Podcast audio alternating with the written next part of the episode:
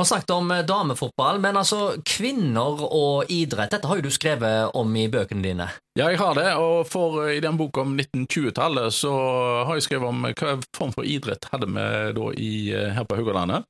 Og ikke minst se på dette med kvinner, da, fordi det var sjelden at kvinner drev med idrett. Det var jo en manns eh, ting da. Og det var ikke anbefalt at de drev med hva som helst? Nei, det var ikke det. Så eh, i den grad kvinner drev idrett for 100 år siden, så var det da innen turn eh, og litt grann av svømming. Altså Asaviks eh, sjøbad åpna jo da for i 1919, men så med kun noen få timer åpent for damer. Så, men etter protester da, så får damene slippe til da, med egen avdeling fra 1920, så da kom det med svømmegruppa inn, og det ble aktivt for damer å svømme.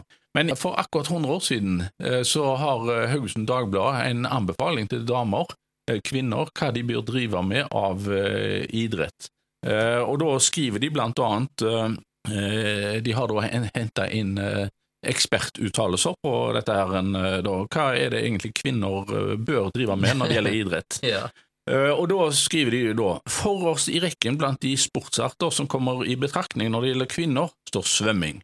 Kan, den drives på den måte, øver den aller best virkning på sunnheten. Den forsterkede sirkulasjonen i de små hårkår under huden som fremkalles ved temperaturforandring, er ved blodfattigdom og nervesvekkelse et fortreffelig helbredelsesmiddel. Magre kvinner forbedrer sine former ved svømming, og korpulente kvinner minsker fettansamlingen. I annen rekke stiller de sportskjøndige det stilrene løp. Det skaper under forutsetning av at det drives med måte, skjønnhet i bevegelse og former. Efter fagfolks mening bør kvinner ikke delta i noen kappløp. Kvinner som fullstendig utpumpet styrter sammen med målet, er heller ikke noe oppbyggelig syn, skriver de. Passende for kvinner i alle retninger er rosporten, men kapproing av samme grunn som kappløp bør være utelukket. Kulestøting og spydkasting overstiger i alminnelighet kvinnenes krefter. Den kvinne som på dette gebet vil høste laurbær, vil heller aldri fremby noen lystig skue. Av lignende grunner skal kvinner absolutt holde seg borte fra fotballspill. Oh, ja. ja, så de skal ikke drive med fotball. Eh, prektig er derimot all vintersport, ski og skøyteløping. Neppe ved noen anledning kan kvinnene utfolde så meget under og naturlighet som på dette området. Den friske snøluft forhøyer virkningen og gjør vintersporten til en av de sunneste og akreste. Tennisspill kan eh, særlig anbefales korpulente damer.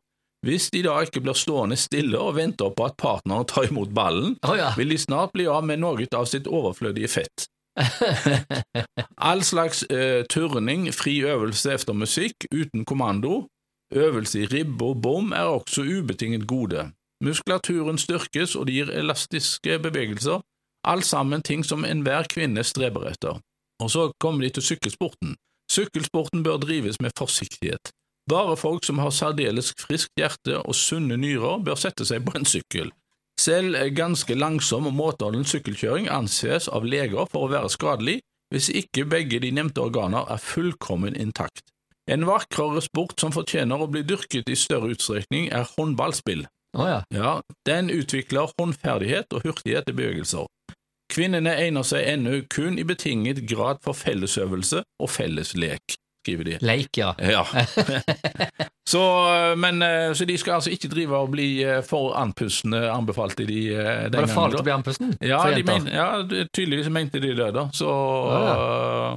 Og når det gjelder og, turn, så skulle de være forsiktige, da, og, men men turn var den store idretten da for uh, damer for uh, 100 år siden. Ja. Men de skulle passe på så de ikke ble for andpustne. ja. ja.